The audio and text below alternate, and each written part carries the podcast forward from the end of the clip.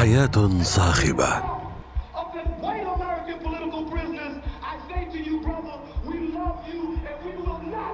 صعود وهبوط. مرة في السجن ومرة وسط الجمهور.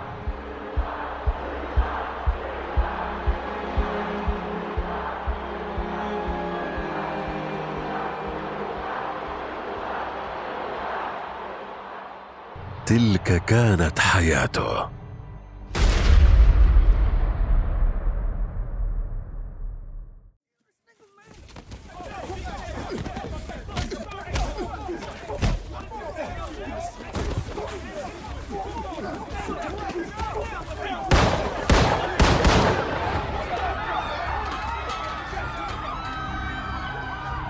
في مدينة لاس فيغاس مدينة الأضواء والصخب والمجون كل شيء ممكن القمار والمخدرات والخمور والنساء وحتى تصفية الحسابات والقتل.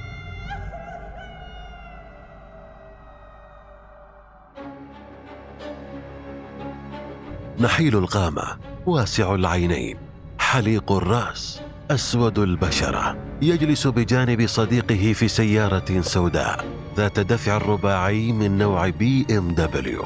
رائحة الموت تتسلل خلسة لسيارته لتأمره بأن يرفع صوت المسجل ويخرج رأسه من فتحة السقف. يدب الحماس في قلب صديقه ليقود السيارة بسرعة جنونية وكلاهما بقمة السعادة. في تمام الحادية عشر والربع مساء تقف سيارة بطلنا على إشارة المرور لتقف بجانبها سيارة فيها فتاتان فيبدأ بمغازلتهن Hey, what's up, huh? What's up, girl? Where y'all going? About to go to the club. Can me and my homegirl go too? Hell yeah. ويطلب بطل قصتنا منهما أن تقضيا الليلة معا إلا أنه يعلم أن ليلته هذه طويلة جدا ولن يرافقه فيها أي أحد. بكل هدوء وقفت سيارة بيضاء على يسار سيارته ليخرج رجل مجهول الهوية مسدسا من النافذة الخلفية ويوجهه باتجاه توباك شاكور ويطلق عليه الرصاص. أربع رصاصات قتلن أسطورة الراب توباك شاكور. ليترك مقتله الكثير من الأسئلة. فمن المتورط؟ ومن هم المتهمون بعملية اغتياله؟ هل الغيرة الفنية هي السبب أم أن الماسونية هم من كانوا وراء ذلك كما أشيع؟ وأخيرا هل صحيح أن توباك شاكور سيعود للحياة وسيظهر من جديد؟ هذا البودكاست للكبار فقط. نظرا لما يحتويه على أمور قد لا تناسب البعض. أنا عبد العزيز الخمعلي وأقدم لكم بودكاست ضد مجهول. وتذكروا دائما أن تقييمكم للبودكاست وتعليقاتكم المفضلة هي من تدفعنا إلى الأمام وإلى الحكاية. في بيئة فقيرة تعاني من العنصرية والتنمر. ولد توباك شاكور مشاجرات وعنف دائم. لم يعرف شيئا عن والده. وكان أول لقاء بينهما بعد أن بلغ العشرين من عمره. أما والدته فقد سجنت أكثر من مرة مما جعل طفولة توباك مليئة بأشكال العنف والقسوة. هرب توباك شاكور من زحمة الحياة وتفاصيلها الشاقة. عبر القراءة والغناء. كان مولعا بشكسبير والشعر والأدب. الأمر الذي جعل منه أسطورة فريدة في عالم الغناء. فقد كتب كلمات أغانيه بنفسه وانتقد بشكل دائم العنصرية والطبقية والتمييز بين البشر. ونهض القضايا السياسية والاجتماعية المختلفة التي كانت تثار ضد الأقليات والسود والمسلمين.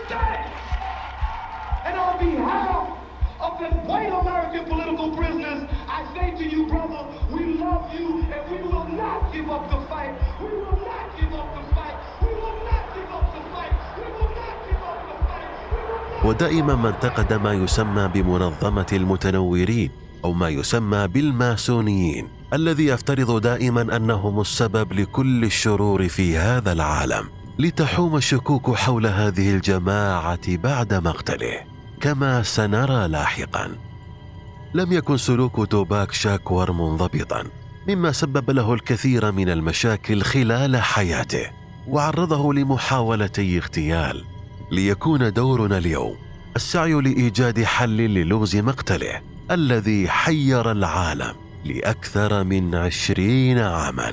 إلا أن الحقيقة أن اللغز ليس بمقتل توباك بل اللغز في الدوافع التي أدت لحصول ذلك.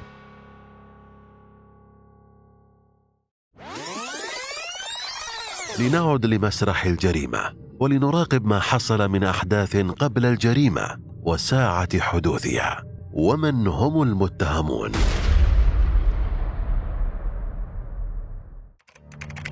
التاريخ. السابع من أيلول عام 1996 التوقيت العاشرة مساء. المكان فندق إم جي إم جراند في لاس فيغاس. في ذلك الوقت كان توباك شاكور يحضر نزالا لبطل الملاكمة الشهير مايك تايسون ضد بروس سيلدون. انتهى النزال بفوز ساحق لتايسون بعد دقيقتين من بدء المباراة. وبعد انتهاء هذا النزال القصير خرج توباك شاكور مع مرافقيه وصديقه شوغ نايت الذي سيشهد الكثير من التفاصيل الليلة. فبعد خروجهما تقابل شاكور مع المتهم الأول في عملية اغتياله آرونالد أندرسون. الممثل الأمريكي المغمور آرونالد أندرسون والذي كان عضوا في عصابة كريبس التي قامت فيما مضى بسرقة أحد أصدقاء توباك شاكور كانت مقابلة بالنسبة لتوباك فرصة للانتقام فما كان من توباك إلا أن بدأ ومرافقيه. بضرب اندرسون في بهو الفندق لحين تدخل أمن الفندق وفض الاشتباك فيما بينهم ليتوعد توباك بالعودة مرة ثانية وتحطيم وجه أندرسون. بعد انتهاء العراك توجه توباك لغرفته وغير ثيابه وخرج بصحبة شوغ نايت من الفندق وتوجها لنادي ليلي يدعى بنادي 662 الذي كان نايت قد استأجره لذلك المساء. شوغ نايت الذي أنتج ألبومات توباك شاكور والمدير التنفيذي لشركته والمهووس بالمال. كان برفقة توباك طوال تلك الليلة. يا للصدفة سيارة بي إم دبليو سوداء ذات دفع رباعي يقودها نايت وبجانبه توباك. ليلة جميلة. نايت يقود السيارة بشكل سريع ومتهور. يرفع توباك صوت المسجل ويخرج رأسه من نافذة السقف. يرتفع أكثر فأكثر ليصبح نصفه العلوي بالكامل مطلا من نافذة السقف. ويبدأ بالغناء بصوت مرتفع.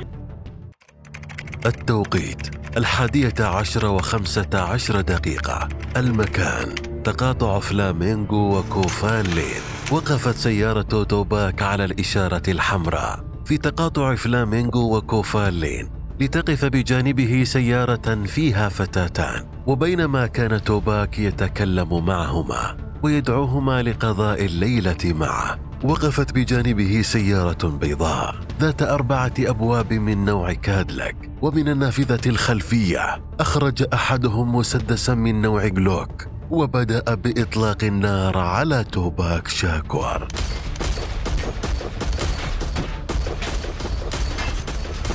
لتصيبه أربعة رصاصات رصاصتان في صدره ورصاصة في ذراعه ورصاصة في فخذه. أما نايت فأصيب بشظية في رأسه وتضررت سيارتهما بشكل كبير.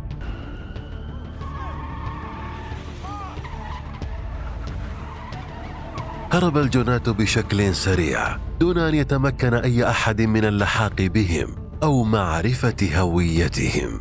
أما توباك فتم نقله للمستشفى سريعا ليفارق الحياة بعد ستة أيام وذلك في الثالث عشر من أيلول عام 1996 بعد إعلان خبر وفاته بدأت التحليلات والنظريات تطوف على سطح الجريمة. فأول المتهمين بهم كان أندرسون الذي تعارك مع توباك ورفاقه ونال منهم فقد ضرب ضربا مبرحا وذلك قبل ساعة واحدة فقط من مقتله وباعتباره شاهدا لا قاتلا. الأمر الذي أثار شكوك جماهير توباك حول عملية اغتياله حيث تمت تبرئة أندرسون لعدم وجود أي دليل ضده وذلك بالرغم من اعتقاد البعض. أن أندرسون هو من أطلق الرصاص على توباك برفقة أصدقائه.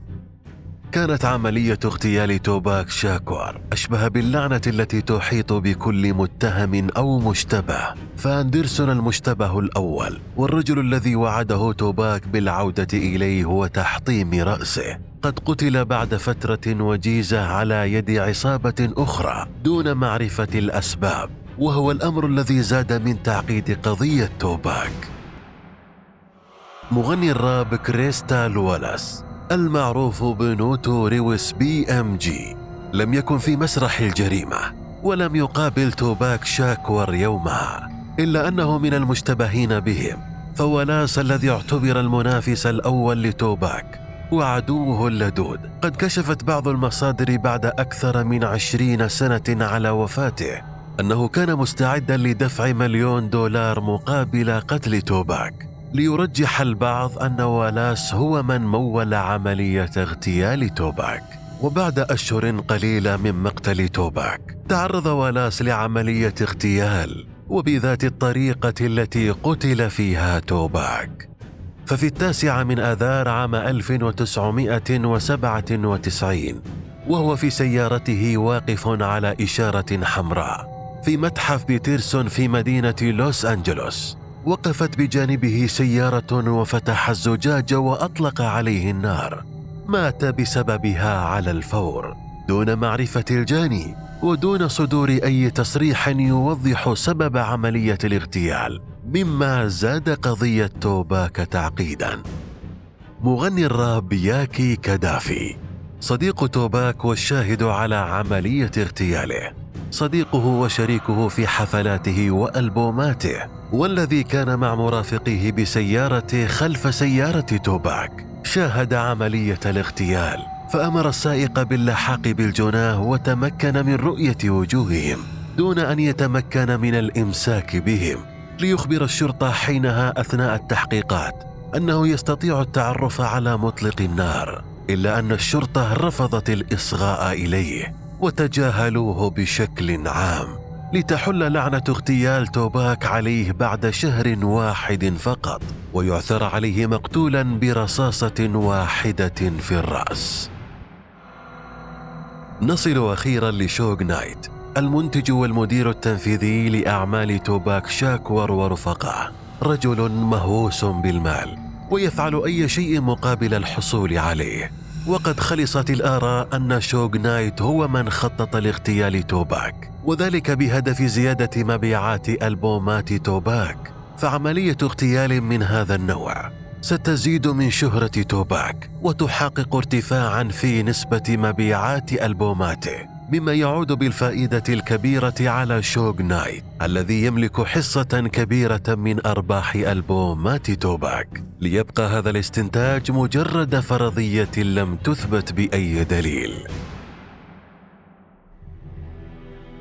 بقي مقتل توباك شاكور لغزا محيرا حتى يومنا هذا. فقد اجتمعت في هذه القضية امورا غريبة بداية من عمليات الاغتيال. التي تلت عملية اغتياله والتي قيدت جميعها ضد مجهول وانتهاء بإقفال محضر التحقيق خلال شهر واحد فقط. وتقييد عملية اغتياله ضد مجهول لتحل أخيرا فرضيتان غريبتان من قبل جمهور توباك. الأولى ترى أن الماسونيين هم من خططوا لعملية اغتياله. وذلك بسبب شعبيته وأغانيه التي كانت تنتقدهم بشكل دائم وتصفهم بأنهم مصدر الشرور في هذا العالم. وقد لاقت هذه الفرضية رواجا كبيرا وذلك بعد تجاهل السلطات للكثير من الأدلة والتي قد تكشف من وراء عملية اغتياله. أما الفرضية الثانية والتي لاقت انتشارا كبيرة بين محبي توباك ومتابعيه أن توباك شاكور هو من خطط لعملية اغتياله. وأنه لم يمت وقد خطط لهذه المسرحية بهدف الاختفاء والتخلص من حياة الشهرة المتعبة بالنسبة له. وذلك بعد تحقيقه للكثير من الإنجازات. فقد سمي فيما بعد بشكسبير الأسود والعديد من أشعاره تدرس اليوم. فما حققه توباك بعمر صغير يصعب تصديقه. وقد دعمت هذه الفرضية بالعديد من الأغاني التي غناها توباك والتي تنبأت بنهايته. إلا أن أغنية Life والتي صدرت بعد سبعة أشهر من مماته. تكلم فيها توباك عن موته وجنازته وأنه سيعود للظهور من جديد ليفاجئ العالم. أندرسون ولاس وكدافي لقوا حتفهم بعد فترة وجيزة من مقتل توباك ونايت الذي حكمت المحكمة عليه بالسجن لمدة 28 عاماً بتهمة القتل بعد أن دهس رجلا بسيارته. حتى اليوم لم تتم تبرئته من دماء توباك من قبل محبيه ومتابعيه. والماسونيين أو ما يسمى بالمتنورين يرى البعض أنهم وراء كل ذلك. والبعض الآخر ينتظر عودة توباك شاكور وظهوره من جديد. وحتى تظهر الحقيقة ستبقى هذه القضية معلقة ضد مجهول. بالنسبة لك أنت عزيزي المستمع ما هو رأيك في هذه القضية؟ شاركني رأيك في التعليقات عبر حسابنا في تويتر. باسم بودكاست ضد مجهول. وحتى الحلقة القادمة كونوا حذرين.